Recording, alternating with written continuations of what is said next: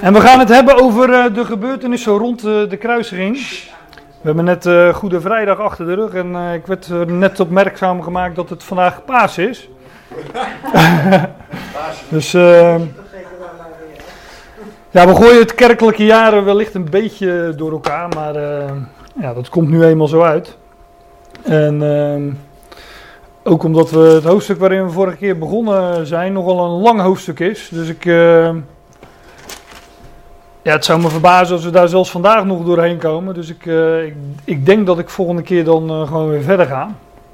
Um, dus we komen, ja, daarvoor bij voorbaat excuses. We komen volgende keer pas echt terecht bij uh, de opstanding, bij, bij Pasen. Maar ja, het is maar een kerkelijke kalender, dus we hoeven ons niet te veel aan te storen. Maar ehm, de volgende keer zag ik is 5 mei en dan is het bevrijdingsdag. Dus dat, dat komt ook wel aardig uit, zou ik zeggen. Um, nou, je ziet achter de, het thema of de titel van, uh, van deze ochtend uh, een tweetje staan. Dat betekent dat we vorige keer een uh, eerste keer daarover nagedacht hebben. Over die gebeurtenissen rond de kruisiging.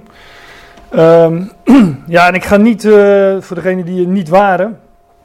Um, ik weet niet precies wie dat zijn, maar van, sommige, sommigen weet ik het wel. Die hadden zich ziek gemeld.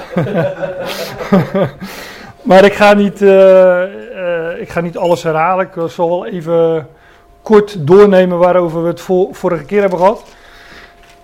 Ik heb toen al gezegd, het is sowieso een beetje lastig om, uh, om erin te vallen met dit onderwerp van, ja, waar begin je nou precies?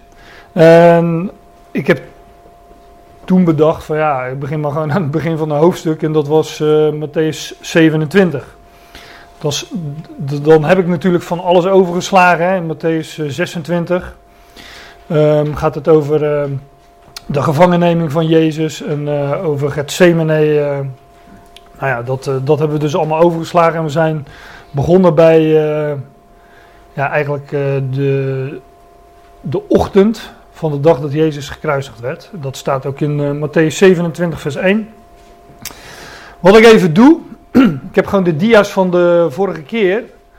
Um, die heb ik even gekopieerd en geplakt. En even de kopjes erin laten staan om uh, even een uh, indruk te geven of even het geheugen op te frissen van waar we het eigenlijk ook alweer over gehad hebben de vorige keer. nou, Matthäus 27 vangt aan met uh, Jezus die voor Pilatus wordt geleid.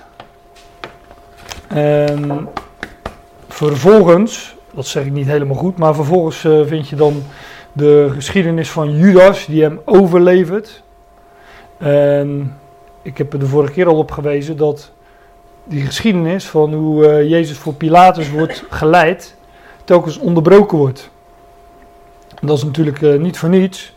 En we hebben ook vorige keer gezien dat zo'n onderbreking zoals dat verhaal van Judas eigenlijk een beeld is uh, ook van onze tijd, waarin inderdaad Judas, ter Juda, zonder die S, hè, Judas is gewoon de Griekse vorm van Juda. Uh, en Juda, uh, Juda, het Joodse volk, wordt, wordt terzijde gesteld. En ja, dat heeft alles te maken met die onderbreking, de tijd waarin wij leven, de tussentijd. Jezus voor Pilatus, dan het verhaal uh, van Judas. En dan staat Jezus weer voor Pilatus. Of nog steeds voor Pilatus. Hè. De droom van de vrouw van Pilatus. Ook een onderbreking in die uh, geschiedenis. Nou, dro dromen in de schrift gaan altijd over. Uh, nou, laat ik zeggen, wellicht altijd, dat, durf ik niet helemaal met 100% zekerheid te zeggen, maar een droom is een verborgenheid, is alleen, wordt alleen geopenbaard aan, uh, aan degene die droomt. En die de dromen spreken in de schrift dan ook uh, van verborgenheid. En nou ja, ik heb er vorige keer ook al op gewezen, denk ik. Uh, ja, wat, voegt dit vers nou eigenlijk toe aan, aan het hele verhaal? Wat hebben wij. Wat, wat, wat, wat hebben wij eraan om dat te weten dat die vrouw van Pilatus een droom had gehad? Maar het wordt wel even tussendoor vermeld. Dan komt Jezus weer, uh, dan wordt, gaat de geschiedenis weer verder van, uh, van Jezus voor Pilatus. En dan wordt uh, Jezus bespot en weggeleid, weet wel, met, hij krijgt een doornenkroon op zijn hoofd en een scharlaken rode of purper, purperen mantel. Hangt er vanaf uit welk evangelie je het leest, zijn we de vorige keer ook wat dieper op ingegaan. Ja, en dan komen we aan in vers 32, en daar zijn we vorige keer gebleven. En toen ik dit toen ik dit een beetje terughaalde van waar we het de vorige keer over gehad hadden, hè, recapituleren. Um, toen dacht ik van nou, ik heb, daar valt zoveel meer over te zeggen dan dat ik eigenlijk gedaan heb. En dat gaan we ook nog eens zien in alle, alle volgende versen die we, die we tegenkomen, de gebeurtenissen die we daar vinden. Um, en er zitten ook nogal wat... Uh, ja, discutabele versen en allerlei uh, misverstanden die er over die geschiedenissen zijn. Dus dat, uh, ja, dat vraagt toch wel wat, wat aandacht. Ik, volgens mij heb ik vorige keer niet eens bijvoorbeeld de profetie van Jezaja 53 aangehaald, waarin staat dat Je Jezus zweeg voor Pilatus. Maar dat, dat vinden we al in Jezaja geprofiteerd. Hij um, werd als een lamp ter slachting geleid. Daar kom ik straks overigens nog wel op terug. En als een schaap dat stom is voor zijn scheerders, zo deed hij zijn mond niet open. Dat, dat vinden we al in Jezaja 53. Maar eigenlijk vinden we in, in, in dat hoofdstuk Jezaja 53, ik noem dat nou omdat het een ontzettend bekend hoofdstuk is, vinden we eigenlijk al uh, uh, heel veel verwijzingen naar uh, het lijden en sterven van de Heer. Maar ook van zijn, van zijn opstanding en de heerlijkheid die daarna zou volgen. Um, ja, het gaat veel te ver om heel Jezaja 53 daarbij aan te halen, maar daar zitten nogal wat, um, ja, daar zitten nogal wat verwijzingen in, ook naar deze geschiedenis en wat hierna gaat, gaat volgen. Nou, wat ik nu doe, ik lees, uh, ik lees, ik lees eerst even het dan gaan we gewoon weer vers voor vers verder bij vers 32. bij deze Simon van Sirene, waar we de vorige keer gebleven waren. En toen zij naar buiten gingen, vonden zij iemand uit Cyrene, Simon genaamd, en zij verplichten hem om zijn kruis op te pakken. En ze komen op een plaats genaamd Gogolta, dat is de zogeheten schedelplaats. Ze geven aan hem zure wijn vermengd met gal te drinken. En hij proeft het en hij wil het niet drinken. En zij kruisigen hem en zij verdelen zijn bovenkleding door het lot te werpen. En ze gingen daar zitten en ze bewaakten hem. En boven zijn hoofd plaatsen zij opschrift de reden hiervan. Dit is Jezus, de koning van de Joden. Dan worden samen met hem twee rovers gekruisigd, één aan de rechterkant en één aan de linkerkant. En de voorbijgangers lasterden hem en ze schudden hun hoofd en ze zeggen: Jij die de tempel sloopt en in drie dagen opbouwt, red jezelf. Indien jij de zoon van God bent, daal af van het kruis. Evenzo bespotten hem ook de oversten van de priesters met de schriftgeleerden en de oudsten en zij zeiden: Anderen redt hij, zichzelf kan hij niet redden. Indien hij de koning van Israël is, Laat hij dan nu van het kruis afdalen en wij zullen hem geloven. Hij heeft vertrouwen op God, laat die hem nu uitredden, indien hij hem wil. Want hij zei, ik ben Gods zoon. En op dezelfde wijze smaden hem ook de rovers die samen met hem gekruisigd worden. En vanaf het zesde uur kwam het duisternis over het gehele land tot het negende uur. En omstreeks het negende uur roept Jezus luid om hulp met een luide stem. En hij zegt, Eloi, Eloi, lama, lema, Ah, Lema staat hier. Sabachthani. Dat is mijn God, mijn God, waarom liet u mij in de steek? En sommige van hen die daar staan horen dit en ze zeiden: Hij ontbiedt Elia. En onmiddellijk loopt een van hen en hij neemt de spons en hij vult die met zure wijn en hij plaatst er een rietstok omheen en hij gaf hem te drinken. Maar de overigen zeiden: Laat gaan, laten we waarnemen of Elia komt om hem te redden. En een ander neemt een landspunt en hij priemt hem in zijn zijde en er kwam water en bloed uit. En Jezus schreeuwt weer met een luide stem en hij laat de geest gaan. En neem waar, het gordijn van de tempel wordt van boven tot beneden. Ja, hij is gefixt, uh, zegt hij. Dus ik zal ergens uh, onderweg met het uh, lezen van het hoofdstuk wel uitgevallen zijn. Maar nou ja, die versen die gaan we toch bespreken, dus dat, dat maakt niet uit. Dit was overigens de vertaling van geschriften. Jullie merken dat ik zelf zelf een keer over de tekst struikelde, omdat bepaalde dingen zo in je hoofd zitten van de gangbare vertalingen. Dat je... als hij ouder wordt. Ja? Ja, dat, dat gaat vanzelf dat je ouder wordt, dus dat, uh, nou, dat zien we dan wel, uh, Leni. um, ja, we waren vorige keer uh, aangekomen in, in vers 32 van Matthäus 27. En daar vinden we dan in één zin genoemd dat, dat toen zij naar buiten gingen, vonden zij iemand uit Cyrene, Simon genaamd. En zij verplichten hem om zijn kruis op te pakken. En dat is dus de man die bekend geworden is als Simon van Cyrene. Um, ik heb dat opgezocht waar dat ligt, Cyrene. Dat ligt in het uh, huidige Libië. En ik meen dat het toen nog, het, uh, toen nog bij uh, Egypte hoorde. Dat was wat groter. Egypte was wat groter in die, die tijd of die tijden.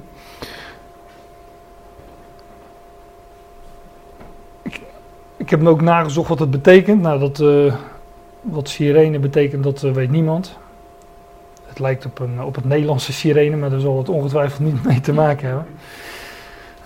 Maar ja, als het, het, het ligt aan, uh, aan Egypte, het ligt ook nog eens aan de, aan de zee. En Egypte, ja, dat, uh, dat ga ik niet eens toelichten, maar is heel de schrift door een, een beeld van deze wereld. Deze dualistische wereld zou je kunnen zeggen. Uh, in Egypte is alles dubbel. Hè. het, het, heet, je hebt ook een boven- en beneden Egypte. Uh, het heet ook het twee stromenland. Mitzraim in het Hebreeuws is ook een uh, dubbelheid. Net als Ephraim, die uitgang Aim, dat is een, een dubbelheid. Dus het heeft in de naam Mitzraim al dat het een, een dubbel is. Nou, het is een beeld van deze wereld en deze Simon van Cyrene, die kwam dus uit de natieën, om het zo te zeggen. Ik zei al, ligt, Sirene ligt ook nog eens aan de zee. Nou, de zee is een beeld van de volkeren. Dus uh, als je het mij vraagt, alles wat, uh, wat we over de man weten, is dat, uh, ja, is dat, het, dat hij uit de heidenen was, uit de natieën. Maar hij heette Simon. En Simon betekent de horende. En horen en gehoor geven aan, ja, dat is in de schrift natuurlijk een, een uiting en een uitbeelding van geloof. Dus deze Simon uh, beeldt in ieder geval de, een gelovige uit de natie uit. In Lucas 23, dat is een parallel hoofdstuk waar dezelfde dingen beschreven worden. Daar vinden we dat hij, hij kwam van de akker. Nou, in Matthäus uh, 13 vinden we de gelijkenissen over. En daar staat bij dat de akker de uitbeelding is van de wereld. Dus alles, ja, alles wat we over de man weten, dat wijst erop dat hij uh, uit de volkeren, uit de natie kwam. Uit deze wereld geroepen. En hij heeft daar gehoor aan gegeven, want hij heet Simon. En dat is weer zo'n zo'n uh, zo'n onderbreking in die geschiedenis. En uh, ja, ook dit wijst weer op Gods plan. Dat Judas is hier terzijde gesteld en het is Simon die, die met hem zijn kruis draagt. Nou, we vinden woorden in, uh, in Hebreeën 13. Daar gaat het ook daar, daar gaat het, uh, over uh, Jezus die buiten de stad geleid werd, buiten Jeruzalem, buiten de legerplaats. Hebreeën 13, vers 12. Daarom leed ook Jezus om het volk door zijn eigen bloed te heiligen buiten de poort. Als dat zo is, laten wij dan ook tot hem uitgaan buiten de legerplaats en zijn smaad dragen. De Jezus Christus is nu de verworpene, door de wereld verworpen. Het laatste wat de wereld van hem heeft gezien is dat hij stierf aan een kruis. Maar hij is opgewekt en wij weten hij is gezet in de hemel. En daar is hij, daar, ja, maar, daar is, maar daar is hij verborgen. En wij delen in die positie. Wij uh, zullen weliswaar met hem verheerlijkt worden. Maar nu ja, zijn wij door de wereld de, de hoge positie die wij straks zullen hebben, met hem verschijnen in heerlijkheid en delen in zijn heerlijkheid, ja, daar heeft de wereld nu geen boodschap aan. En uh, deze Jezus die uh, ja, wordt door de wereld miskend. En, uh, en wij dus ook. Die heerlijkheid wordt nog niet erkend. En eh, de oproep is dan ook, als dat zo is, laten wij dan ook tot hem uitgaan buiten de lege plaats. En uh, letterlijk is dat natuurlijk buiten Jeruzalem, maar die lege plaats stelt nog wel wat meer voor. Buiten de systemen. Wij, sta, wij staan buiten de systemen. Buiten de godsdienstige systemen ook. en daar dragen wij uh, weliswaar zijn smaad, maar daar, uh, ja, daar zitten wij ook gewoon rustig aan zijn voeten om, om te horen wat hij allemaal te zeggen heeft. Want daar hoor je wat hij te zeggen heeft, laat ik het zo zeggen.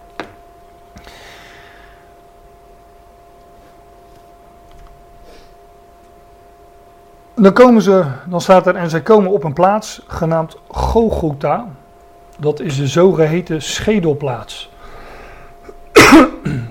ja, Gogota, dat uh, betekent uh, dus blijkbaar uh, hoofdschedelplaats of gewoon schedel. Het komt van het Hebreeuwse gulgo, gulgolet, dat, dat betekent schedel. Daar is het van afgeleid. Dat is ook wel leuk als je daarop gaat zoeken op internet. Dan, uh, uh, dan zoeken ze altijd naar, naar, naar een, uh, een plaats. Kijk, een, een schedel, hoe zeg je dat? Een, een, doodskop om het zo te zeggen. Die, die heeft natuurlijk van die, van, van die holtes van de, van de ogen. En da, dan zoekt men naar een berg met dat soort holtes. Maar het kan natuurlijk net zo goed te maken hebben met een ronding. Een schedel is Nee, jullie zitten allemaal naar mijn, uh, mijn perfect ronde hoofd te kijken. maar,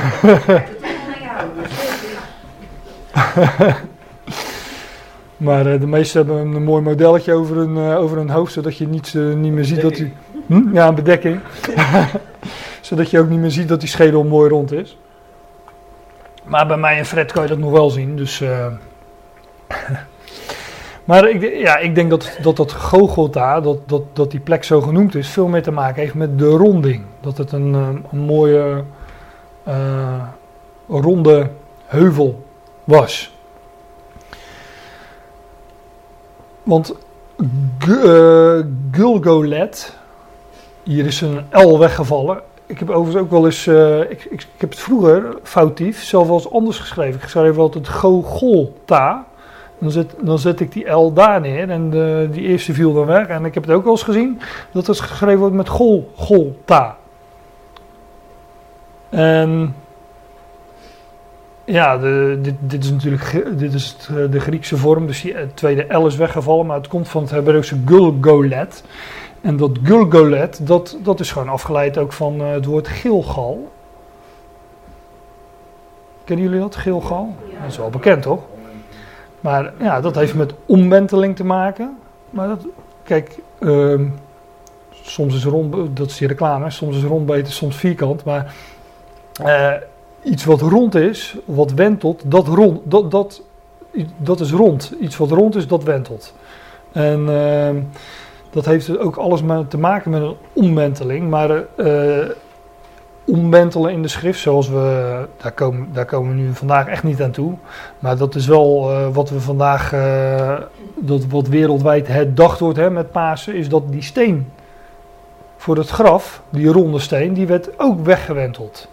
Die werd weggerold. Nou, er zijn nog wat stenen in, uh, in de schrift, ook die weggewenteld worden, want we hebben het hier over Daniel gehad, Daniel 6. Maar Daniel in de leeuwenkuil, ook daar lag een, een steen op, uh, op de opening van, uh, van de kuil, die ook weggerold werd vroeg in de morgen. Uh, dat, daar hebben we toen ook over gehad. Natuurlijk is dat een uitbeelding van, van, ja, van, van Pasen, laat ik het zo zeggen. Van de opstanding van Christus, van de steen die weggewenteld wordt. maar ook hier zit het al verborgen in die naam. Die plaats Golgotha. Um, dat heeft gewoon alles met, met die omwenteling, met die ronding te maken. Had het uh, van de week met, uh, met, met Jens en Fem, uh, ben ik ook deze verhalen aan het bespreken. En toen tekende ik een lijn van links naar rechts. Ik zeg, kijk, dit is een lijn met een begin en een einde. Ik zeg, maar wat is dit? Toen tekende ik een cirkel. Ik zeg, is dat ook een lijn? Toen zei Fem, ja, dat is ook een lijn. Ik zeg, maar komt er een einde? Ja, hier zit geen begin en geen einde aan, zei ze gelijk. Ik zeg, nou, dat is het precies. Dat is ook een, ja, daar heeft het alles mee te maken. Met een, het is zonder begin, zonder einde en dat, dat beeldt onvergankelijkheid uit. Nieuw leven, wedergeboorte, ja, er zijn zoveel woorden voor in de schrift. Maar we vinden dat woord uh, bijvoorbeeld in, uh, in Jozua, want er is ook een plaats die Gilgal heet. Is een werkwoord, Gilgal, dat betekent omwentelen. Maar uh, hier is het volk aangekomen in, in het beloofde land, hè, het boek Jozua. En dan staat er verder, zei Jaweh tegen Jozua, vandaag heb ik de smaad van Egypte van u, van jullie, afgewenteld. Daarom gaf men die plaats Gilgal tot op deze dag. Want dat Gilgal, ja, dat betekent afwentelen of omwentelen. Nou, dat heeft uh, alles te maken met, uh, met wedergeboorte. En uh, ja, ook dat zit verborgen in die naam Golgotha. En ik denk dat dat, dat daar ook die schedel, hoofdschedel of schedelplaats van spreekt.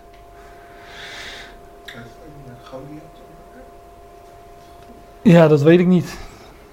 Dat, uh, dat, dat heb ik wel eens gehoord, maar degene die dat vertelde, die, uh, die, ik heb dat overigens niet opgezocht, maar aan het einde van de geschiedenis van David. Um, David en Goliath, dus dat is 1 Samuel 17. Um, staat er nou?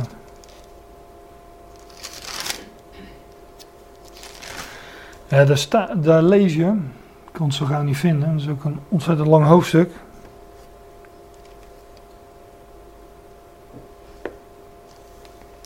Nou ja, die zoeken we dan later wel, uh, wel even op.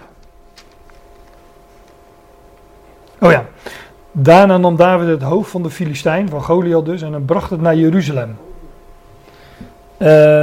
Ik heb wel eens iemand zich horen afvragen, laat ik het uh, voorzichtig zeggen zou dat hoofd van Goliath terechtgekomen zijn daar bij Jeruzalem en uh, op die berg, of is daar een, uh, een berg over gebouwd, hè? is dat hoofd begraven en daar een, daardoor een heuvel ontstaan. Goliath, Golgotha, Gol van Gat. Hij kwam ook nog eens uit Gat, dus ja, misschien is het wat te veel getoven met woorden, maar het, het, lijkt er wel verdraaid veel op. Maar uh, degene die dat toen zei, vroeg het zich volgens mij ook af en die, uh, die legde dat niet neer als keihard feit, volgens mij. Maar dus, dus ik geef hem ook maar mee voor wat het waard is. Maar de Heer werd hier gekruisigd op Gogota. Wat, al, nou ja, dat ga ik allemaal niet herhalen, hè, over afwentelen en omwentelen. Maar ook nog eens op een schedel, dat heeft alles met het hoofd te maken. Hij zou het hoofd worden van zijn Ecclesia.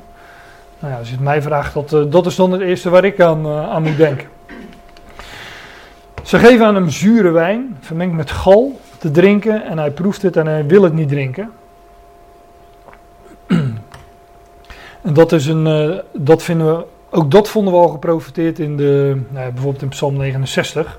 Ze hebben mij gal als mijn voedsel gegeven, in mijn dorst hebben ze mij zure wijn laten drinken. Psalm 22 is een bekende psalm, een messiaanse psalm. Alle psalmen zijn messiaans als je het mij vraagt, maar sommige ligt er wel heel dik bovenop, zoals psalm 22. Maar 69 is ook zo'n psalm.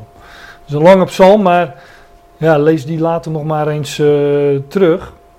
Vorige keer heb ik het volgens mij ook aangehaald, want daar wordt ook gesproken over, uh, over de val van Juda. En ik zeg nu expres niet over de val van Judas, want in Psalm 69 wordt echt een. Uh, wordt, uh, als, als in Matthäus 27 die geschiedenis van Judas aan wordt gehaald, dan wordt verwezen naar Psalm 69. En als je dan Psalm 69 opzoekt, dan worden die, uh, die, die woorden op, uit Psalm 69 weliswaar op Judas van toepassing ge ge gebracht. Maar in Psalm 69 is het een meervoud. Daar gaat het echt over het volk, Juda. Dus waar Judas dus ook een beeld van is. Overigens, uh, in, in het evangelie van Marcus, in Marcus 15, daar wordt zoiets gezegd als met meerdere gemengde wijn. En ja, men zegt dan dat was vaak, dat werd dan gegeven ook aan die gekruisigden om, om ze wat te verdoven. Ik, ook dat geef ik mee voor wat het waard is.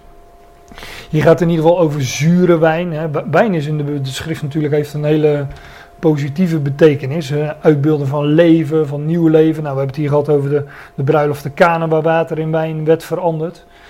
Maar hier gaat het over zure wijn.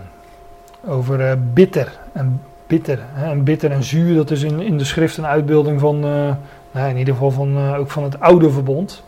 Denk aan Mara, waar het water bitter was. Geschiedenis kennen we ook allemaal wel, denk ik. En waar een hout in het water werd geworpen en toen werd het, het water zoet, werd het drinkbaar. Dat is natuurlijk allemaal een uitbeelding van hoe een oud verbond een nieuw verbond werd. En de Heer Jezus zei in de nacht hiervoor, uh, toen hij de beker met wijn rond liet gaan, dit is het bloed van het nieuwe verbond. Nou, hier, maar hier is het geen wijn, maar zure wijn, vermengd met gal. Dus de eerste mis heb je altijd de tweede nog, want gal is ook zuur en bitter. En de Heer stierf hier om een einde te maken aan het oude verbond.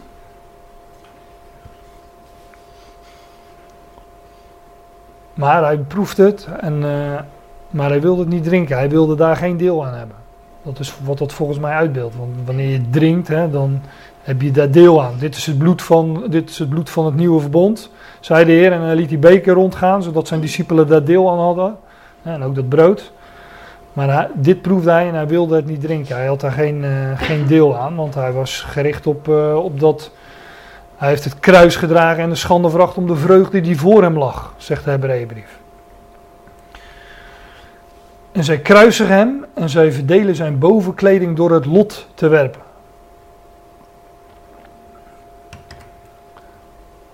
Kruisigende, kruisigende echter hem, zij verdelen de bovenkleding van hem. Als in een soort tussenzinnetje wordt er eventjes gezegd dat ze hem kruisigen.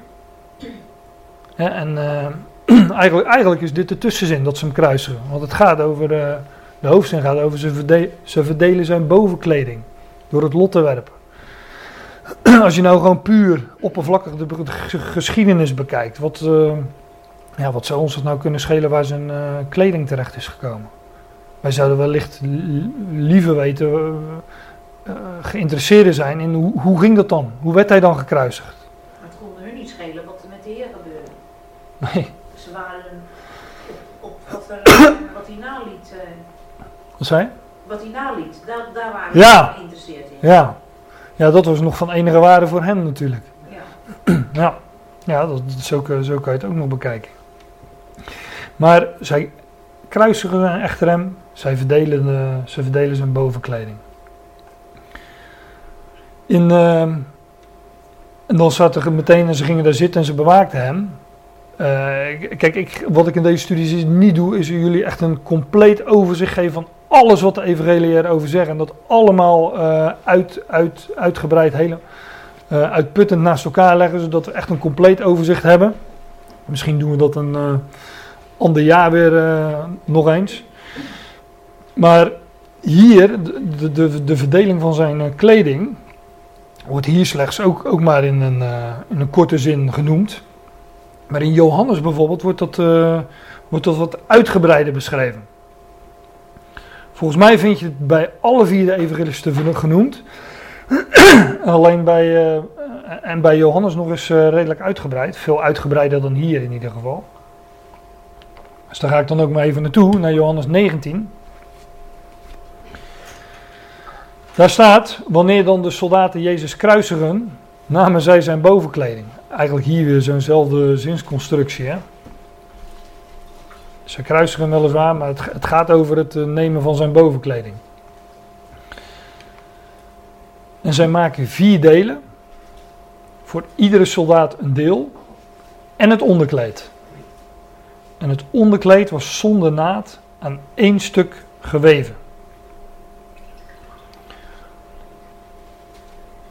Kleding in de schrift komen we vaak tegen. Hè? eh, ook in, in, in,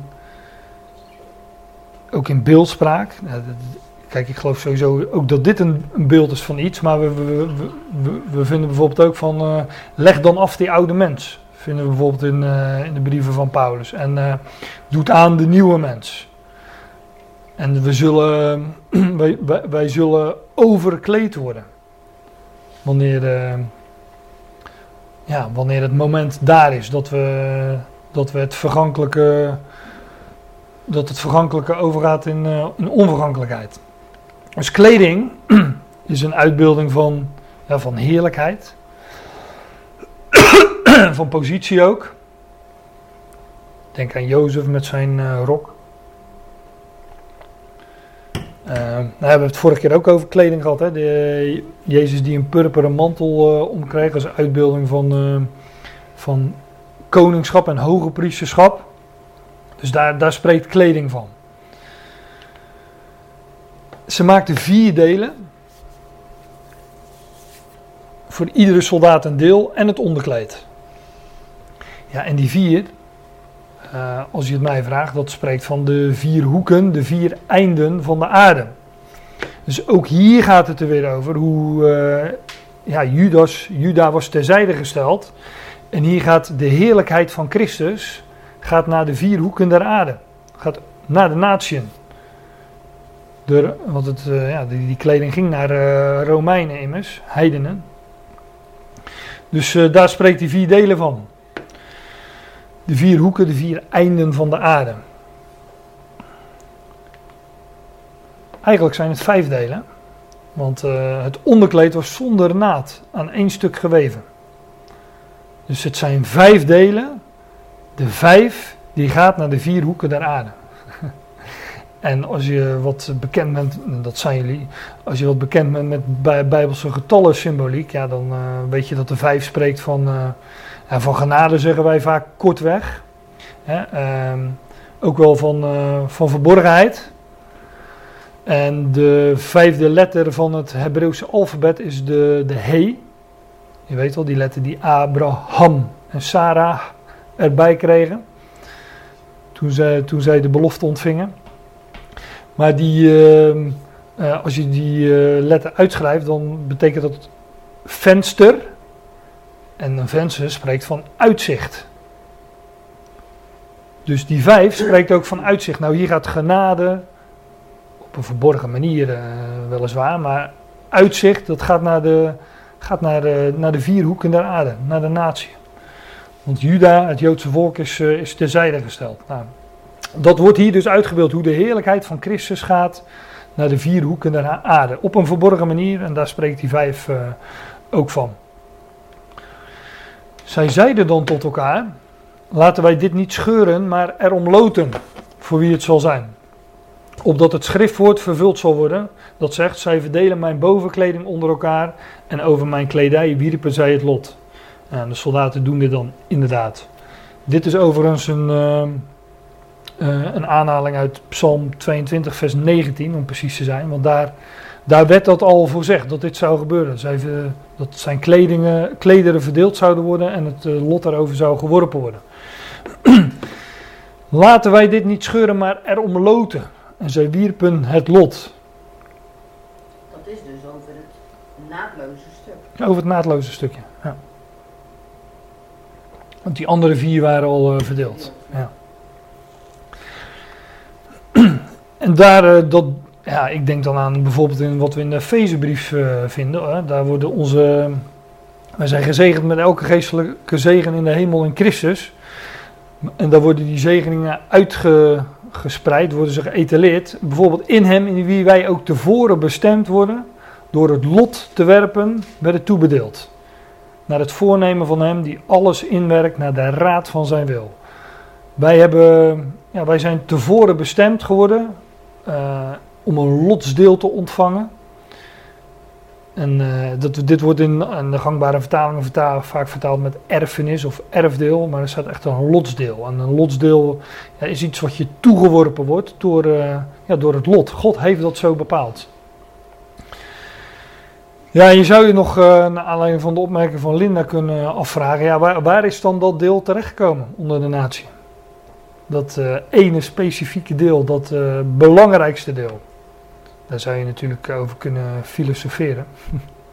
er is een leesboek van, geloof ik.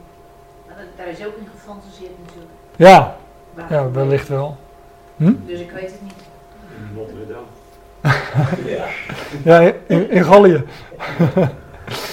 nou ja, kijk, we, we hebben het natuurlijk... Uh, uh, in, in de voorgaande studies ook gehad over uh, die, twee delen van Israël. Hè, Juda, dat terzijde werd gesteld. En uh, Ephraim, dat al eerder verdwenen was onder die natieën, waar, waar dit lotsdeel terecht is gekomen. En waar is ze dan specifiek terechtgekomen? Nou, daar zijn inderdaad boeken over volgeschreven. Ik, ik ken die boeken ook, vind het bijzonder interessant. Eh, ik ken ook mensen die zeggen van ja, pak, pak maar gewoon een, eh, een kaart. Een, een, bij, weet ik veel, bijbelatlas of een eh, wereldkaart. En kijk maar waar het christendom voornamelijk terecht is gekomen. Dan heb je je antwoord waar die tien stammen terecht zijn gekomen, zo suggereert men. Ja, dat zou natuurlijk prima kunnen. Dat zijn de Anglo-Saxische volkeren natuurlijk. Hè? De West-Europa, Amerika, Noord- Noord-Amerika. Daar is het met name terechtgekomen. Dus eh, In wij. wij, ja. Ja, en, ja, en, ja. Die ook wij, die tevoren, wij zijn in ieder geval tevoren, het is, het is daar terechtgekomen waar het tevoren bestemd eh, was dat het terecht zou komen. dat durf ik met zekerheid te zeggen.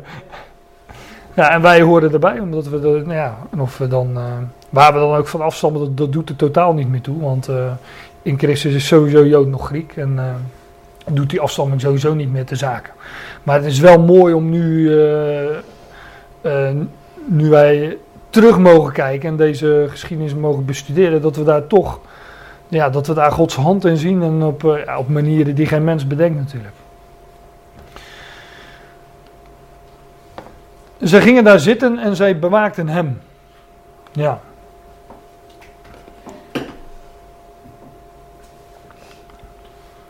En boven zijn hoofd plaatsen zij op schrift de reden hiervan. Dit is Jezus, de koning van de Joden. Ja, dat was blijkbaar de gewoonte dat men, eh, de, dat, dat lees je ook in alle handboeken en commentaren, blijkbaar was de gewoonte dat de veroordeelden die daar eh, gekruisigd waren, dat men eh, de beschuldiging ehm, bo- boven, daarboven op een bordje eh, opschreef. Het klinkt ook wel logisch. Hm? Als een soort waarschuwing, Ja. Dat Ja. even niet doen, dan hier ook weer. Ja, ja, ja, dat zou kunnen, ja. Op alle plaatjes zie je dan ook, eh, waar, de, waar je de gekruisigd op ziet, zie je dan bij, bij Jezus een bordje hangen, maar bij die, eh, bij die anderen niet. Dat vind ik ook altijd wel eh, apart. Als het, dan blijkbaar, als het dan de gewoonte was, dan hoorden er bij die andere gekruisigden ook bordjes, zou je zeggen, met de beschuldiging. Maar ja. In Johannes eh, 19, vers 21, vind je nog dat de Joden eh, naar eh, Pilatus toe gaan en eh, commentaar, op, commentaar op hebben dat hij dit gedaan heeft. En ze zeggen dan ook van, zeg niet dat hij de koning der Joden is, maar dat hij gezegd heeft, ik ben de koning der Joden. En dan zegt Pilatus, wat ik geschreven heb, dat heb ik geschreven. En daar, daar blijft het dan bij. Maar nou, hij heeft in ieder geval nog een keer zijn poot stijf gehouden, denk ik dan. Huh?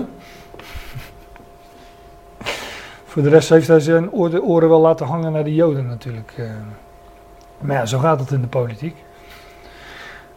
Maar hier wordt, eh, ja, hier wordt dus de koning van de Joden gekruisigd. En dat betekent dus ook dat, eh, dat het koninkrijk, het beloofde koninkrijk, voor het Joodse volk niet openbaar zou worden. Hè? Voor Juda. En inderdaad, Juda zou terzijde gesteld worden. En zoals we zagen hoe, ja, zoals die kleding van de Heer terecht kwam onder de natie, ja, zo zou ook zijn heerlijkheid en zijn koningschap terechtkomen onder de natie. Verborgen weliswaar. Ja, wij, eh, wij, maar wij, zijn nu al, eh, wij delen nu al in zijn koninkrijk. Ik ken, eh, ik, ken heel veel mensen die daar moeite mee hebben als ik dat eh, zo zeg. Ik weet niet of die hier ook zitten, hè, maar eh, men zegt altijd, ja, dat koninkrijk dat is echt voor Israël. Wij zijn de gemeente, het lichaam van Christus. Wij, eh, het koninkrijk hebben wij niets mee te maken. En dan haal ik altijd Colossense 1 vers 13 aan, dat wij overgezet zijn uit de macht van de duisternis in het koninkrijk van de zoon van zijn liefde. Een verborgen koninkrijk met een verborgen koning. Maar ja, dat is eh, ook slechts tijdelijk. Dus eh, het is ook een kwestie van afwachten voordat dat openbaar wordt. En eh, wij weten ook dat dat niet heel lang meer gaat duren. Dan worden samen met hem twee rovers gekruisigd. één aan de rechterkant en één aan de linkerkant. Ja. Twee rovers, één links, één rechts. Totaal overbodig dat het erbij wordt gezegd, hè? één links, één rechts. Maar ehm, het wordt er wel bij genoemd.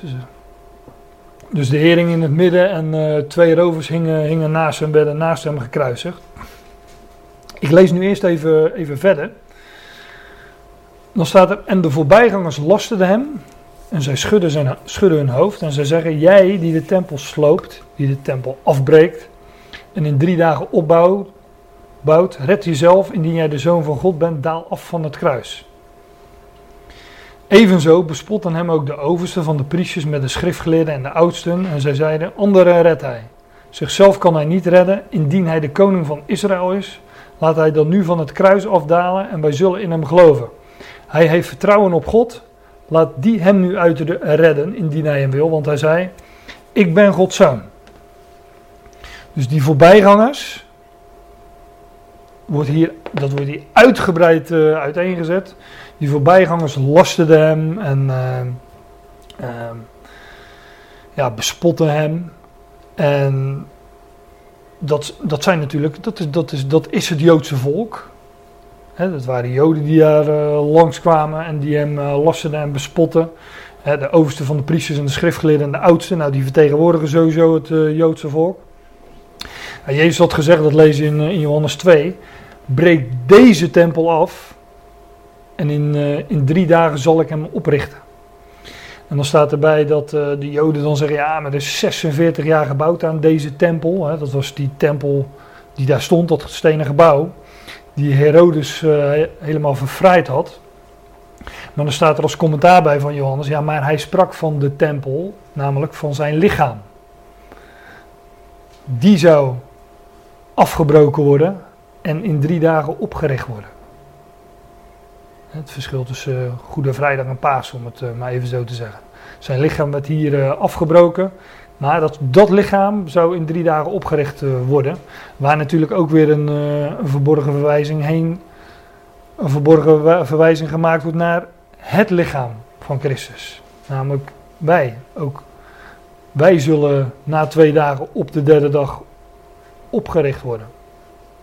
Opstaan wanneer dit uh, sterfelijke verslonden wordt door onsterfelijkheid.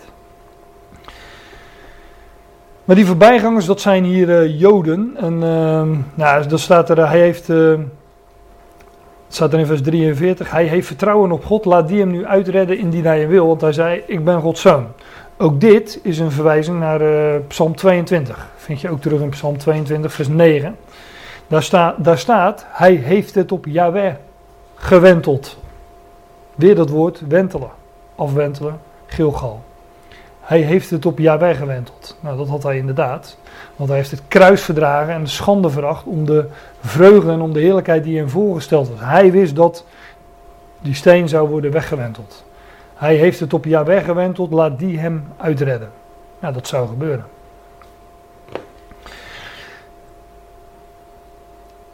Die Joden, de voorbijgangers, de Joden bespotten hem. Nou, er waren twee rovers met hem gekruisigd, één links, één rechts. In Lucas 23 lees je over die. Uh, ja, laat ik maar even doorgaan. Lees je over die uh, gekruisigden.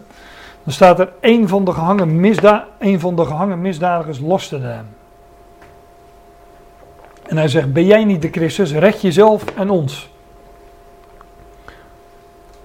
Die enige kruisigde, dat zal de linkse geweest zijn, als je het mij vraagt. Die deed dus precies hetzelfde als de Joden. Lasterde hem en daarmee identificeert hij zich ook met, met, met, met dat Joodse volk. Dus ik meen dat die enige kruisigde een, uh, ook een uitbeelding is van, uh, van het Joodse volk. Maar de andere antwoordt, en hij vermaant hem, en hij zegt met nadruk: Zoals jij vreest God niet, hoewel jij in hetzelfde oordeel bent. En wij, op rechtvaardige wijze, want wij krijgen terug waardig van de dingen die wij verrichten.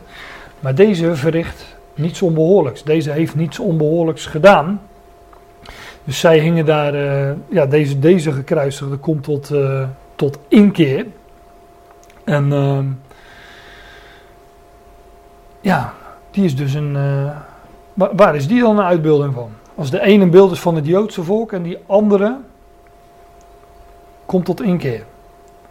Als ik het heel oppervlakkig zeg, zeg ik ja, dat, eh, die zal er wel een uitbeelding zijn van de gemeente. Want het werd van het Joodse volk weggenomen. Dat, eh, die, die, die kleding, die heerlijkheid. En dat ging naar de natie. Maar als ik het, eh, als ik nog wat specifieker zeg, dan zeg ik van ja, niet van Juda, maar van dat andere deel van Israël. Dat onder de natie inderdaad terecht kwam, namelijk Ephraim. De een links, de ander rechts. Overigens lees je in andere evangeliën, dat zullen we volgens mij straks ook nog in Matthäus lezen, dat ehm, daar in sommige evangeliën staat dat beide gekruisigden hem lasterden. En mijn conclusie is dat, dat ze blijkbaar eerst uh, allebei gelasterd hebben en dat die andere tot inkeer is gekomen. Nou, datzelfde kun je zeggen van, uh, als, je, als je zegt de ene is een beeld van Juda en de andere van Ephraim. Ephraim is ook dat tienstammenrijk, dat, dat noordelijke deel van Israël, is ook ontrouw geweest aan, uh, aan de Heer. Daarom werd het verstrooid, maar later onder de natie is het tot inkeer gekomen.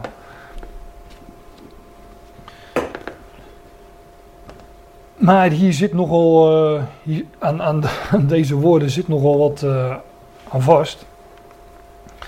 En hij zegt dan ook, ik lees gewoon even verder. Hij zei tegen Jezus, Heer gedenk mij wanneer jij in jouw koninkrijk komt. Deze gekruisigde geloofde dus blijkbaar dat wel dat Jezus de koning was. De koning van de Joden. Gedenk mij wanneer jij in jouw koninkrijk komt. En Jezus zei tegen hem, amen, hè, voorwaar.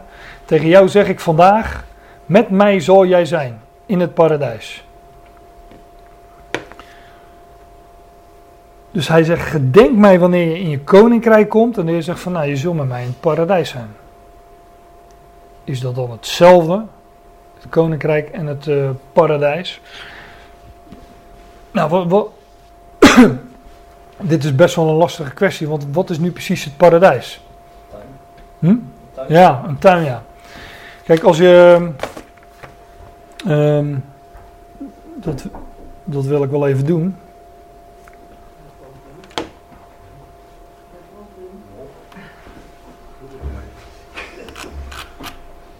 Als je dit woord opzoekt in het. Uh,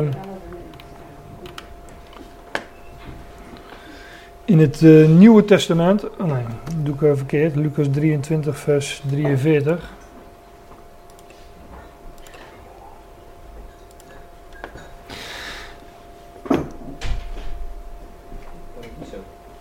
Ja, Paradiso.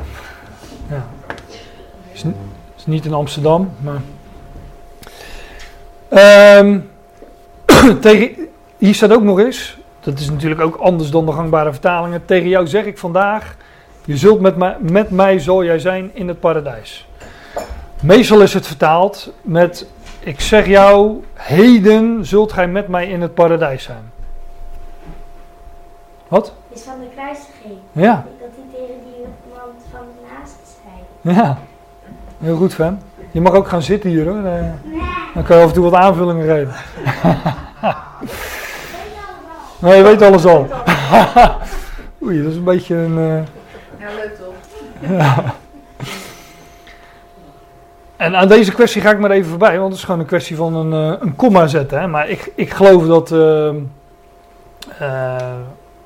dat. Kijk, als de Heer zou zeggen van. Ik, ik zeg jou, heden zult gij met mij in het paradijs zijn. Dat, dat betekent dat. Uh, dat de Heer aan de andere kant van de dood samen met die uh, zijn ogen opgeslagen zou hebben en dat ze dan in het, in het paradijs zouden zijn. En wat je dan onder het paradijs moet verstaan, dat, uh, ja, dat, dat is nog maar de vraag natuurlijk. Um, nou, ik geloof er dus niet in. Ik geloof dat de Heer drie dagen dood is geweest en daarna door God op, op de derde dag werd opgewekt door God. En um, ja, toen, toen ook naar de hemel is gegaan. Dus ik, uh, ja, het is een kwestie van een, van een komma zetten. Dus ik, ik geloof echt dat de Heer zegt, tegen jou zeg ik vandaag, met mij zal jij in het paradijs zijn. En de tegenstanders van, uh, die, die zeggen dan, ik, ik heb ook wel wat gelezen en daarover gehoord, die zeggen van ja, dat is, dat is nogal een, een rare uitspraak. Iedereen, alles wat je zegt, dat zeg je heden, dat zeg je vandaag. Ja, dus sluit misschien niet helemaal aan bij ons taalgebruik, maar toch vind je in het, eh, in het Oude Testament echt wel vergelijkbare uitspraken. Dat eh, iets heden tot iemand gezegd wordt. Noem mij nou dat een aorist of zo? Of is het. Nou, een aorist is echt dat het een, eh, de, een Griekse werkwoordsvorm dat een feit gepresenteerd wordt. Maar ik zeg u heden, Ja, zo wil jij het gaan zeggen. Ik zeg jou nu ja. dat en Ja. Zeg maar is dat gewoon vandaag of is het heden? Is het echt, eh, dat met een, Ja, volgens, volgens mij is dit echt een. ehm, meestal even ja, vandaag. ja. Maar ja, ja dat, dat weet ik ook niet. Ik heb daar wel, eh, ik- heb daar wel naar gekeken. Maar ik, ik eh, vond het wel lastig om daar een, eh, een conclusie uit te trekken. Geef ons heden ons dagelijks brood. Ja, dat is vandaag, maar dat was gisteren ook zo. En dat zal, eh, is volgende week nog steeds. En Dus-. Dus heden, ja, wij, le- wij le- als we zeggen we leven in het heden, ja, dan, dan is dat wat Nou ja, zojuist ja. heden was, ligt alweer achter ons. Ik zeg je nu. Ja, En dan gaat het meer over dat paradijs. ja, ja. Ja, dan heb je paradijs is ook nog zo'n ding. Wat, wat daarmee te doen? Ja, laten we daar even naartoe gaan, naar dat, eh, naar dat paradijs. Want dat woord komt maar drie keer voor in het eh, Nieuwe Testament. En de eerste keer is dus in Lucas 23, het, eh, de schriftplaats die ik aanhaalde. De tweede keer gaat over Paulus in 2 Korinthe 12. Die zegt van ehm, dat hij weggegrist is tot in het paradijs. Hij zegt, ik weet niet of het in het lichaam was of buiten het lichaam, dat weet ik, dat weet ik niet. Maar dat dat hij opgetrokken is geweest, dan staat er in vers 2, dat hij weggegrist is, werd tot in de derde hemel. En dat noemt hij blijkbaar.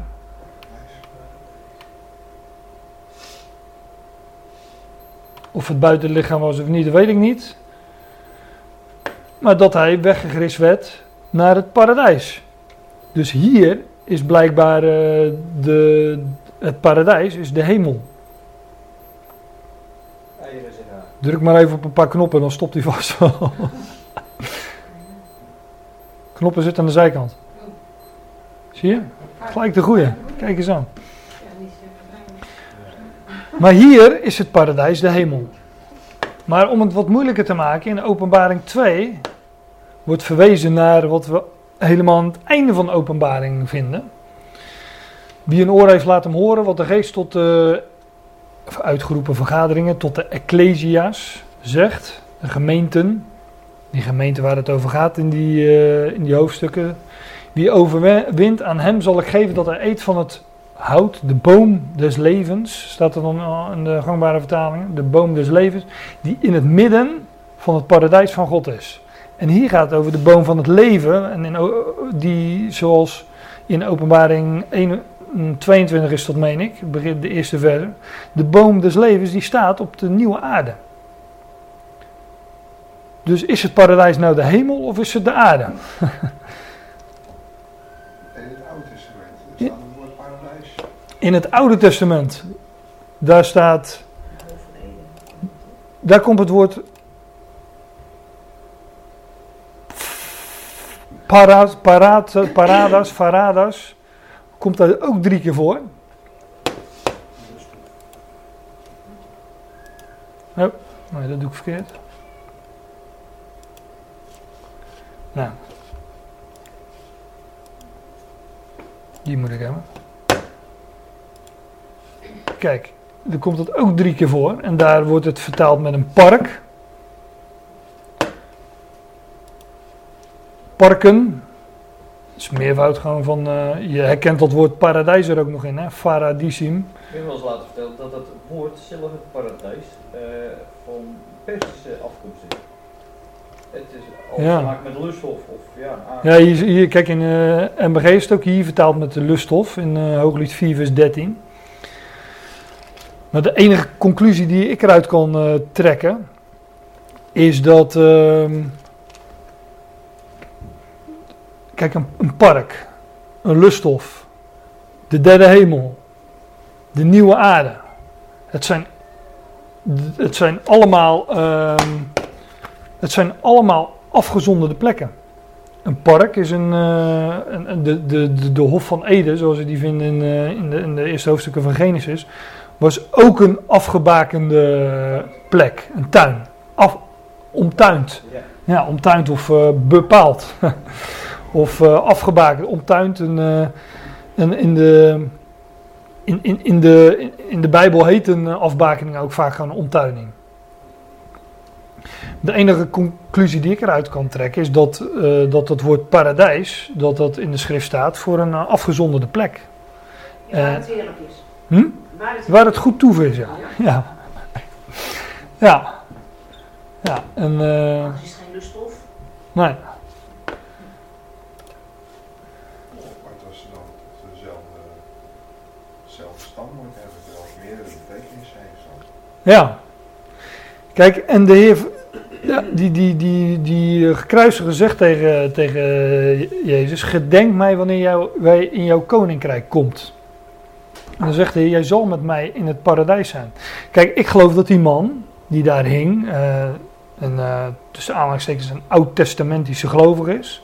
En met de Heer inderdaad zal komen in zijn koninkrijk, wat nu nog zijn geopenbaarde koninkrijk, wat nu nog toekomst is. Maar degene die, waarvan deze man een uitbeelding is, van de gemeente of van de tien stammen die onder de natie verstrooid zijn en die tot waar, de, waar de gelovigen uit verzameld zouden worden, ja, die komen, eh, ja, die, die hebben een hemelse positie. Dus daar ligt die dubbele betekenis, wat mij betreft, wel in. Letterlijk. Heeft niet te maken met, ik zeg je nu, eh, van de 100 oude verbond. Met dat nu. Dat zou ook nog kunnen, ja. ja. Ik zeg, Het eh, is een uitbeelding aan de ene kant van, van het kruis, degene die wel geloofde, en aan de andere kant, die, die, die spot ermee. ja, Dus Ja. eh, ik geloof, het een beeld is van, die enige, die gaan we in de pauze even, even uitzetten, die, eh, dat horloge. Die, die enige kruisigde, die, die identificeert zich met de Joden, ja, met het Joodse volk, want hij zegt precies hetzelfde. En die andere is dan dat andere deel van Israël. Dat weliswaar in eerste instantie eh, hem ook bespot, maar later, ja, later zou Ephraim, zou die tien stammen verstrooid onder de natie, zouden ze wel tot geloof komen. En ja, die, die, die, die, enige, die, die rechtse gekruisigde, laten we het daar maar op houden, die komt letterlijk in het geopenbaarde koninkrijk met Christus. Hij zal met hem in zijn koninkrijk zijn. Maar degene waar die gekruisigde een beeld van is, ja, die zullen inderdaad al eerder met hem zijn in dat paradijs. En lees dan maar van paradijs de hemel. Want wij zijn met Christus gezet in de hemel. En wij zijn gelovigen uit de natie. En Paulus die zei ook de derde, Ja, de derde hemel. Opgetrokken geweest tot in de derde hemel. Maar ja, het, het is een lastige kwestie natuurlijk. eh, want het wordt toch wel. Het wordt allemaal wat. eh, wat, eh, wat, moe- ja, wat, wat vreemd, wat vaag, wat, wat moeilijk gezegd. Maar ik geloof dat, dat die opzet, dat het zo gezegd wordt. Ja, dat het, dat het met opzet zo gezegd wordt, zodat die dubbele betekenis er ook in ligt. Ik zou niet weten waarom het anders eh, zo gezegd wordt. Anders kan het niet heden in de hemel zijn. Nee, dat kan niet. Nee. Nee, letterlijk niet voor die gekruisigen. Nee, want ook niet, want eh, Nee. na de opstanding mocht Maria niet aanraken, want hij was er niet opgevaren. Nee, want hij- de Heer Jezus was nog niet Op de derde dag toen hij opstond. Toen, was, eh, toen mocht Maria hem nog niet aanraken, want hij zei: Ik ben nog niet opgevaren tot mijn vader. Dus dat, eh, daar, zou nog, eh, daar, zou nog, nou, daar zou nog drie dagen overheen gaan. Dus hier, letterlijk het heden, zou hij niet met de Heer in de hemel komen. Voor, voor zover hij al naar de hemel zou gaan, natuurlijk. Nee, hij zou sterven. En later met hem in zijn koninkrijk komen. Namelijk op die, eh, ja, op die nieuwe aarde, om het maar, dan maar zo te zeggen. Ja, en op dezelfde wijze smaden hem ook de rovers die samen met hem gekruisigd worden.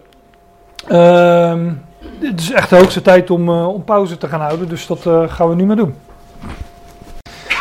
En op dezelfde wijze smaden hem ook de rovers die samen met hem gekruisigd worden.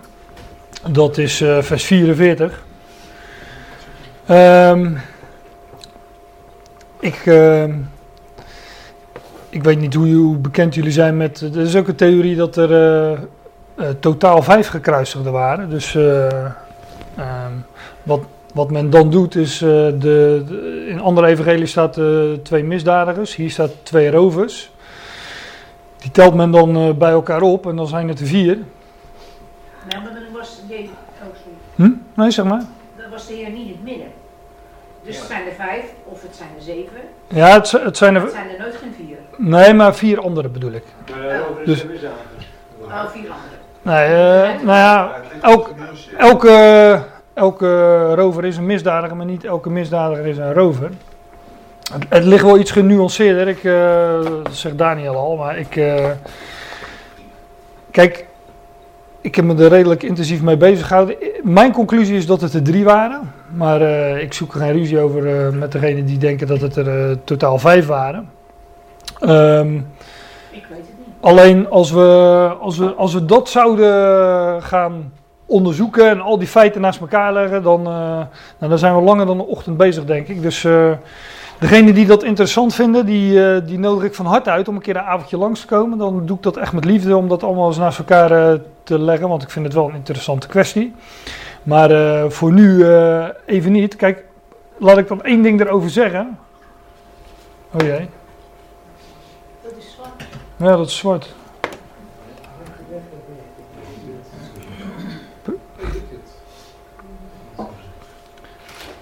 Kijk, dit vers.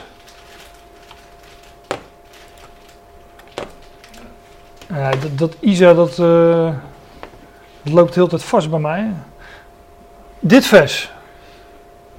Ehm, is Johannes 19, vers 32. Daar, daar komen de, de, de soldaten, daar, gaat het om het breken van de benen van de andere gekruisigden. Eh, de volgende dag was een sabbat en die lichamen moesten van het kruis en dat moest allemaal eh, snel gaan gebeuren. Dat lees je ook allemaal. Voor mij is dit het sleutelvers in die, eh, in die theorie van, van vijf of, of drie gekruisigden. Hier staat dus dat die soldaten kwamen en ze breken, inderdaad, de, van de eerste breken zij de benen kapot en van de andere die met Jezus meegekruisigd was. En dan staat hier een, dat zie je, een enkelvoud. De, de andere die met hem mee, meegekruisigd was. En ook dat is een enkelvoud. En ik zeg, het is totaal grammaticaal onjuist als, als, ze, als ze vier gekruisigden naast Jezus hingen. Want dan was het één. Ze braken kapot de, de benen van de eerste en van één van de anderen, meervoud, die met hem meegekruisigd waren, ook meervoud. Dan zou er een meervoud moeten staan, an- anders klopt het gewoon niet. Daarna werden er ook nog twee gekruist. Kijk, wat, wat ze. Nou, niet hierna, want hier, dit is het einde. Kijk, wat, wat, wat zij dan zeggen, wat degene die zeggen van het waren wel vijf gekruist. Die zeggen van ze kwamen bij. Er hingen, Jezus hing in het midden. Naast hem een rover en een rover. En daarnaast een misdadiger en een misdadiger. En wat zij zeggen, ze kwamen bij die eerste. En braken daarvan de benen. Toen kwamen ze bij de volgende. Braken ze daarvan ook eh, de benen. En toen kwamen ze bij Jezus. Maar daar hoefden ze de benen niet van te breken, omdat hij al overleden was. Maar dan worden die andere twee die daar hingen volledig buiten beschouwing gelaten. Dan, volgt men, dan zegt men ja, ze kwamen eerst bij de eerste, toen bij de andere, en toen bij Jezus en die, en die andere twee. Maar ik blijf erbij, dan klopt het grammaticaal niet wat hier staat. Want dan was het niet een eerste en een andere die met Jezus meegekruisigd was. Maar als het nou zo dubieus is dat er eh, vijf eh, zouden hangen in plaats van drie, Ja. wat is de diepere betekenis daarvan dan? Of is dat gewoon zeggen, nou ja, dat is dan ook, zijn er dan vijf in plaats van drie? Nou, ik ben voor, kijk, ik ben voor die typologische betekenis van eh, vier anderen ben ik wel te porren. omdat, het, eh, omdat ook dat natuurlijk een, een, een uitbeelding is van, eh, zou kunnen zijn van, de, van, van deze wereld. Hè. De vier hoeken der aarde, de vier einden van de wereld, werden daar met Christus gekruisigd. Zo, zo zou je het kunnen zeggen. Maar ik, ja, weet je, ik heb, ik heb, ik heb nu de, de typologie van die twee, één links en één rechts, daar hebben we het over gehad. Ja, dat klopt ook natuurlijk. Ja, maar het is wel een onlogische route. Daar de eerste één wordt gebroken, dan slaan er één over, dan de volgende en dan lopen ze weer terug. Nee, ze slaan niet één over. Jezus hing in die theorie, Jezus hing in het midden, naast hem aan links en rechts een rover en een rover. En nog een keer links en rechts een misdadiger en een misdadiger. Dat de drie waren. Dus ze kwamen bij de eerste, dat was een misdadiger. Toen kwamen ze bij een rover, daar braken ze de benen van. En toen kwamen ze bij Jezus. Dat, zo, zo wordt het dan eh, eh, eh, als drie uit. zijn, Als er drie zijn, dan... slaan ze toch Jezus over en dan gaan ze weer terug. ja, dat hangt er vanaf of ze van de een naar de ander gingen. Of dat ze... Kijk, ze waren met een aantal. Ik bedoel... en, en er was haast bij. Dus ja, wat, wat pak je? Nou, dan pakken, loop jij even daar en lopen, wij daarheen. om het even heel plat te Dan zeggen. moeten we elkaar bij de middel. Ja, wie weet. Dachten ze niet Ja. aan, joh. Ja, ik, ik had het eh Matthäus verhaald. Jezus werd gekruisigd, dan de verdeling van de kleren. Toen werden met hen twee rovers gekruisigd. Ja. En in Lucas verhaalt, Jezus werd gekruisigd met de misdadigers. Daarna pas de klerenverdeling. En waarschijnlijk daarna pas de kruisiging van de rovers. Ja, waarschijnlijk ja. Maar dat, dat is wel. eh, Kijk, men doet dan of het een, eh, een heel chronologisch verhaal is. Hè? Van, eh, eh, toen ze nu gek- gekruisigd hadden, verdeelden ze zijn kleren. En dan in een andere evangelie staat er. en, ze, ze verdeelden zijn klederen en ze, en ze kruisigden met hem twee anderen. Alsof dat dan in tegenspraak met elkaar zou zijn. Nou, ik geloof gewoon dat Matthäus en, en ook Lucas de gebeurtenissen die daar plaatsvonden beschreven. Ja, en dat ze niet specifiek een chronologisch overzicht eh, geven. Kijk, het is ook nog eens een lastig verhaal. Hè? Er waren in ieder geval drie, nou, voor, voor mij part misschien wel vijf gekruisigden. Ik lees, dat hebben we net gelezen in Johannes, dat zijn kleren verdeeld werden over vier man. Dus waren, waren er dan maar vier Romeinse soldaten bij betrokken die die, eh, die, die gekruisigden kruisigden? Want ik kan me ook nog eens voorstellen, ik eh, heb er misschien nooit over nagedacht, maar hoeveel man heb je nodig om iemand te kruisigen? Jezus liet zich als een eh, lam ter slachting leiden en als een schaap dat stom is voor zijn scheerders. Maar die anderen, kan ik me zo voorstellen, dat die daar niet vrijwillig op dat kruis zijn gaan liggen om eh, vastgespijkerd te worden. Nou, hoeveel man heb je daarvoor nodig? Ik, ik denk minstens drie of vier per gekruisigde, om de boel een beetje in bedwang te houden of om vast te binden voordat je, die, voordat je iemand vastspijkert maar we hebben allemaal misschien niet gedobbeld over het kleed. Nee, dat, dat hoeft ook niet, maar dat, dat lezen we dus allemaal niet. Dus het kunnen er best eh, twintig geweest zijn, maar dat, dat er waren vier Nou, belast... die waren verantwoordelijk voor Die waren, die waren voor, verantwoordelijk voor Jezus, want er staat ook dat zij bewaakt hem. En hoeveel anderen er nog waren. En ja, is dat dan. Misschien zaten, zaten zij wel om die kleren te dobbelen, terwijl die anderen met die andere twee of drie of vier gekruisigden bezig waren. Ik bedoel, dat, dat, als je de tekst leest, ligt dat gewoon allemaal open. En daar worden. ehm daar worden allerlei eh, details onvermeld geble- ge- gelaten om dat helemaal kloppend te, kloppend te krijgen, als je het mij vraagt. Maar dat is mijn conclusie. En ik vind dit echt het sleutelvers. Een eerste en een andere, die met hem gekruisigd waren en toen kwamen ze bij Jezus. En eh, ja, dat maakt totaal drie. En anders klopt deze zin grammaticaal absoluut niet. En ja, mijn mening is dat de schrift toch qua, qua precisie en qua taalgebruik altijd nogal eh, accuraat is, als je het mij vraagt. Dan had het hier echt anders moeten staan. Eh, nogmaals, eh, dat is mijn conclusie tot, tot nu toe. En ja, met goede argumenten ben ik te overtuigen. Dus, Ja, met die bewaken. Maar dan valt dat de bewaker aan het kruis is. Dus, Nou, ik kan me voorstellen. dat- ja, die moesten daarbij blijven. Die gingen niet naar huis. Ze zeiden niet van, nou ga maar naar je vrouw en kinderen, dan eh, kom je vanavond maar terug. Ja, maar staat bewaken denk je nou, eh, Ja. ze zorgen dat hij er blijft hangen. Ja, ja ik weet, ik, ik weet, zijn. ik weet ook niet wat het inhield. Er. Hierna zijn geen mensen gekruisigd. Hier is, dit is het einde van de kruisiging. Ja, maar Lucas verhaal toch, daarna, na die lotsverdeling, Nee. werden er nog twee uh, rovers met elkaar. Nou ja, dat, De hele Daniel van der Vijf. eh, ja, dat weet ik. Dat weet ik. Het is geen heilzaak, maar Ehm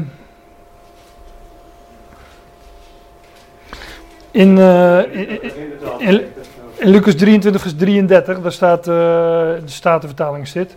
Toen ze kwamen op de plaats genaamd Hoofdschedel, plaats, schuin gedrukt, kruisigden zij hem aldaar en de kwaaddoeners, de een ter rechter en de ander ter linkerzijde. Ja, maar de vers daar wat er over afgaat is dat hij ging van Pilatus naar het kruis en er staat er, en er werden ook twee anderen. Er werden, twee, ja, er werden ook twee andere zijn de kwaaddoeners geleid om met hem gedood te worden. Dat is Lucas 23 vers 32, het voorgaande vers. Dus dat gaat er al over af en dan, komen, en dan is die kruising zo, dat zijn die twee kwaaddoeners dan. Eén de linker en de ander de rechter. Ja. In Lucas 23 vers 32 staat er werden ook twee anderen, zijn de kwaaddoeners, misdadigers, geleid om met hem gedood te worden. En toen zij kwamen op de plaats genaamd Hoogschedelplaats, kruistigen zij hem al daar en de kwaaddoeners, de een ter rechter en de ander ter linkerzijde. En dan staat in het volgende vers, Jezus zeide, Vader vergeef het hun, want ze weten niet wat ze doen. Volgens mij, eh, dit vinden we niet in Matthäus. En verdelende zijn klederen wierpen zij het lot. En dan zegt men dat... Ja, wat zegt men eigenlijk? Ja, dat in Matthäus staat, toen zij hem nu gekruisigd hadden in vers 35, verdeelden zij zijn klederen, het lot werpende. En dan staat er eh, een, twee versen verder in vers 38. Toen werden met hem twee moordenaars gekruisigd, één ter rechter en één ter linkerzijde. En men zegt dan van ja, zie je, die volgorde is anders. Maar als ik Lucas 23 vers 33 lees, dan ja, dan, dan, worden daar gewoon feiten vermeld dat er nog twee anderen gekruisigd werden.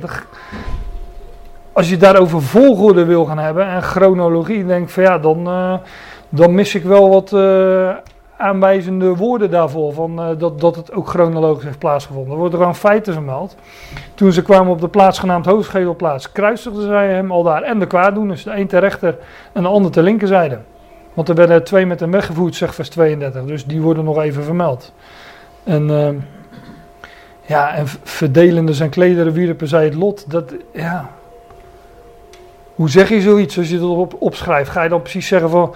s- Stel je nou voor dat ze Jezus gekruisigd hebben, daarna de klederen verdeeld, daarna een, eh, eh, een ander hebben gekruisigd, toen nog een ander, of dat, of dat het in een iets andere volgorde is eh, gegaan. Ga je het dan heel anders hier neerzetten? Ik, ik, ik, ja, ik geloof er niet zo in. Ik, Vol- Volgens Marcus geven meer wijn te drinken, daar gaan we hem kruisigen. ja. Marcus 15. Je leest bijvoorbeeld ook in een van de evangeliën dat hij zijn kruis alleen droeg. En in alle drie de andere evangeliën lees je dat Simon van Cyrene het van hem overneemt. Nou, dus heeft hij het blijkbaar eerst alleen gedragen en later heeft hij Simon van Cyrene, ehm, ja, die heeft het eh, gedragen. Ik vind die theorie van vijf gekruisigden vind ik echt vergezocht. Ja, dat is een aanvulling van die, van die kruisdraging. Dat is een aanvulling op, eh, op die andere. Ja.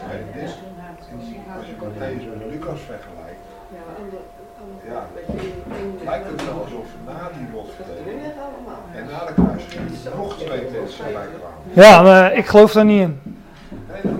Maar eh, kom jij een avondje langs, dan gaan wij. eh, neem je fles wijn mee en dan eh,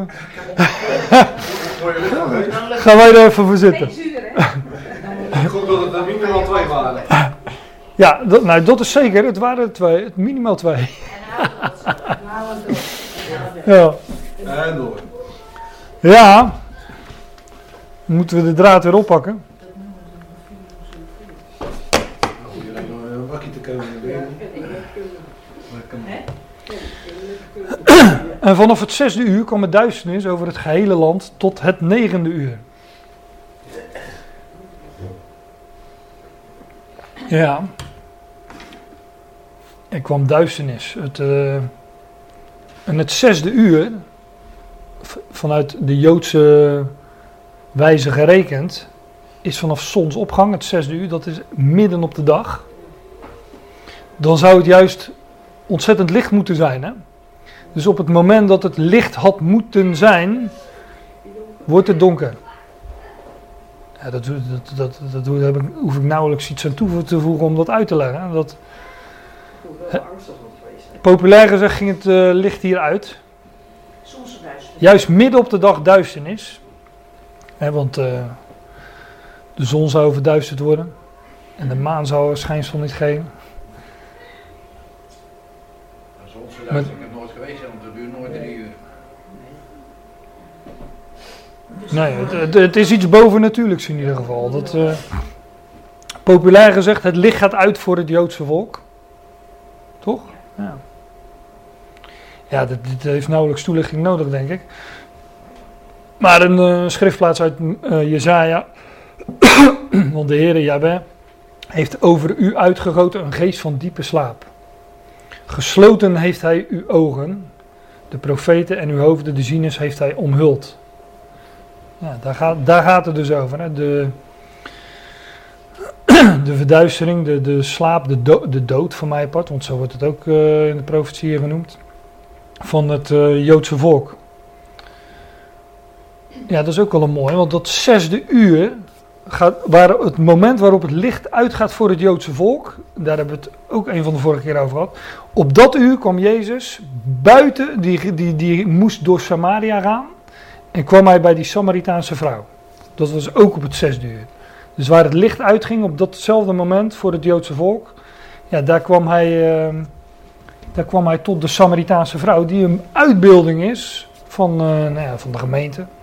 Of van dat deel van Israël dat onder de natie verdween. En, de wereld waarin wij leven, daar wordt ook van gezegd: van ja, ze hebben de duisternis liever gehad dan het licht. Het is ook duister in deze wereld. En voor zover er licht schijnt, zijn dat sterren aan de hemel. Wij schijnen als lichtende sterren. Maar deze wereld is een duisternis. En pas op de derde dag zal het licht weer aangaan. Goedendag, dames. Oh, nou, Als zo. Nou, je stoort wel, maar. Ik, oh, ik heb die. Momo laten zien? Wie? Momo. Wat is dat? Mag ik het even laten zien? Spreek jij in tongen? Nee. Momo. Ja, wat is dat? Ik denk dat Momo ook een scherm is. Ja. Ja, dat is op het scherm. Nou, eh, eventjes dan. Heel kort is maar. Ja. Op het moment dat ik zeg van. eh is goed, denk ik van. Nou, straks komt de volgende delegatie naar beneden. Die is buiten. Oh. Nou, goed. Dan krijg ik het alsnog wel te horen, maar. Dat was het. En omstreeks het negende uur roept Jezus luid om hulp met een luide stem en hij zegt Eloi, Eloi, lema, lama, sabachthani. Dat is mijn God, mijn God, waarom liet u mij in de steek? Waarom heeft u mij verlaten? Ehm, wat je in het vervolg leest, is dat die, eh, die omstanders, dat hebben we net helemaal aan het begin gelezen, die, eh, die begrepen niet wat hij, eh, wat hij riep. Het verbaast me ook altijd, want Aramees was toch, dit is in het Aramees. Aramees was toch de gangbare taal, zegt men vaak in de Bijbelcommentaren in die tijd. Maar ze, ze begrepen niet en ze, ze zeggen dan ook, hij roept Elias, hè, van dat Elia, Eli, Eli of Eloi, Lama Sabachthani. Hij roept Elia. En dan eh, laten we wachten tot eh, of Elia komt, weet je, ze spotten daarmee. dus... ehm, nou, ze begrepen in ieder geval niet wat hij zei. Ik denk, dat, ik denk dat dat in beeld ook weer een verwijzing is naar de profetie. Dat God met belachelijke lippen tot dit volk zou spreken, namelijk in andere talen. En wanneer nu het evangelie tot een eh, Jood komt, is dat, eh, ja, is dat eh, hoofdzakelijk in, in andere talen. In het Engels of het Fries of weet ik veel, maakt mij niet uit. Maar met belachelijke lippen, want dat is voor, een, voor de Jood belachelijk. Ja, ehm, dat. Hier zit ook nogal wat aan vast. Hè? Dat waarom, wa- mijn God, mijn God, waarom hebt gij mij verlaten? Dat waarom, dat, eh, dat, dat wordt wel vertaald met waarom. Hier staat in interlineair op dat waarom. het, is ook, het is ook een, eh, een waartoe, zou je kunnen zeggen. Waartoe hebt gij mij overgelaten? Nu zeg ik gelijk. eh, nog iets natuurlijk, dat dat in de steek laten, dat dat een, een overlaten is. Maar ja, dat, dat kan verlaten natuurlijk ook zijn. Hè. Verlaten kan eh, tijdelijk zijn, maar ook, ook definitief. Maar een overgelaten, dat klinkt al eh, als, wat, als wat minder definitief in ieder geval. maar dat waarom, dat kan eh, goed vertaald worden, worden met ehm, tot wat. Of hoe lang, heb ik zelf eh, wel gehoord of, eh, of, of, of gelezen. Hè, op dat waarom. Dit Griekse woord, wat hier dan eh, is vertaald met in de steek laten. En wat is dat dan in de steek? Ik vroeg me ook af waar komt die uitdrukking vandaan, in de steek? Een zondagse steek houdt geen week, die ken ik wel, maar wat is in de steek laten? Wat, eh, weet iemand dat? Laten zitten. Ja, maar waar komt dat steek vandaan? Hm? Ja. Nou ja. Zo'n steek? Maar dit woord wordt inderdaad vertaald, eh, letterlijk is het opgebouwd, ge- opgebouwd uit deze onderdelen in eh, neerwaarts ontbreken, nou eh, in de overlaten, in de steek laten. Dus tot wat of waartoe, waarom hebt gij mij overgelaten, zou je kunnen zeggen. En als ik dan een overzichtje geef van hoe dat vertaald wordt in de MBG, overlaten, overgelaten, ik zal verlaten, wij moeten verzuimen. Dat zal wel eh Hebreeën 10 zijn. Dat we onze onderlinge bijeenkomst niet eh, mogen verzuimen. Nou, jullie zijn hier allemaal vanmorgen, dus eh we hoeven het niet over te hebben. In de steek laten, verlaten, verlaten, overgelaten had, verlaten. Dus dat wordt nogal verschillend vertaald. Maar blijkbaar is, als ik de, de rode draad eruit haal, is gelaten of verlaten of overgelaten een goede vertaling. Dus waartoe, waarom, waar, tot wat heeft gij mij eh, eh, overgelaten? Kijk, in de absolute betekenis van de term verlaten, werd, werd de Heer natuurlijk niet verlaten door zijn, eh, zijn God en Vader. Hij zegt dat zelf, in Johannes 16. Lees dit hoofdstuk maar, lees dit hoofdstuk nog eens terug, Johannes 16. Dit is niet het enige vers waarin hij een dergelijke uitspraak doet. De Heer Jezus zegt hier tot zijn discipelen: Geloven jullie nu? Naar aanleiding van het voorgaan: Zie, het u komt en is gekomen, dat jullie verspreid zullen worden. Verstrooid. En ieder naar het zijne, en jullie, jullie laten mij alleen. En ik ben niet alleen, want de Vader is met mij. Hier gaat het over de aankondiging van alle gebeurtenissen waar wij nu al twee ochtenden. ehm, waar we het nu al twee ochtenden over hebben. De Heer die kijkt hier vooruit en hij zegt van ja, jullie zullen mij alleen laten, maar ik ben niet alleen, want de Vader is met mij. Maar de Vader is de Vader en God is God. Ja, maar God is toch de Vader? God de Vader? Ja, maar als de Vader van de Heer Jezus, is dat niet een beetje dat je dat zo kan zien van eh, de zoon, Ik weet niet wat je bedoelt. nou, de zoon van God? Weet niet hoe ik het uit moet leggen. De zoon zegt tot, tot zijn vader: Mijn God, mijn God, waarom, waartoe heeft u mij verlaten? Waartoe heeft u mij overgelaten? Ik bedoel, de Vader is de Vader, maar als God kan die, kan dan, kan die zich dan. eh, Ja, nou, Als titel. zo zou ik het zelf niet. eh, ja, dat, eh, ik heb dat ook maar eens horen zeggen. ja. Verliet Maar ja. maar zijn vader verliet. Kijk, wat je. Dat eigenlijk gelaten. Hij liet het zo. Hij liet hem gewoon. Ja, hij. het lopen hij- ja. Ja, je leest in het Nieuwe Testament natuurlijk ook van dat, dat, eh, dat, dat de Vader hem aan, eh, aan hen heeft overgelaten, overgeleverd. En zij hebben hem gekruisigd. Ja. Kijk, wat je altijd moet doen met dit soort schriftplaatsen. Mijn God, mijn God, waarom hebt u mij verlaten? Ook al houden we die, die vertaling aan, ik vind het prima. Dit is een aanhaling uit Psalm 22. En je kan van alles eh, bedenken over deze tekst en hoe het vertaald zou moeten worden. En dat vind ik prima, dat doen we ook al. Maar, wat je moet doen is die tekst opzoeken in het Oude Testament, waar het staat. Ja. Daar staat gewoon het antwoord. Het is echt heel makkelijk. Want hier staat in Psalm 22, oh, want ook dit komt uit Psalm 22. Mijn God, mijn God, waarom heb je mij verlaten? Waartoe hebt je me verlaten? Tot wat heb je me overgelaten? Maakt mij niet uit. Ben je ver van mijn redding? Dat was de, nou ja, laat, als we het dan verlaten willen noemen, was hij in zoverre verlaten dat God nog ver was van zijn redding. Van de woorden van mijn gebrul, want hij riep dat uit. Ja, hoe ver? Nou ja, drie dagen om precies te zijn. Want hij wist dat hij op de derde dag verlost zou worden. Waarom hebt u mij verlaten? Waartoe hebt u mij overgelaten? Want u bent op dit moment ver van mijn redding. Nou, een retorische vraag. want Ja, dit, dit is, ja, je kan natuurlijk iets afvragen. Oh, dit was natuurlijk geen uiting van ongeloof van de Heer. Nee, want Dus wij, over een hoop, over drie dagen ben ik. Ja, dat, ja, of een emotionele uitroep. Want de Heer was ook eh, van eh, vlees en bloed. En eh, eh, kwam in gelijkheid de zondige vleesjes. En heeft gehoorzaamheid moeten leren uit hetgeen hij heeft geleden. En eh, noem, noem het allemaal maar op. Maar hij, ja, hij was mens als wij. In bepaalde zin. En natuurlijk, we kunnen erover hebben dat hij eh, een zeer bijzonder mens was. Dat, dat- maar dat even allemaal buiten beschouwing gelaten. Hij was een mens.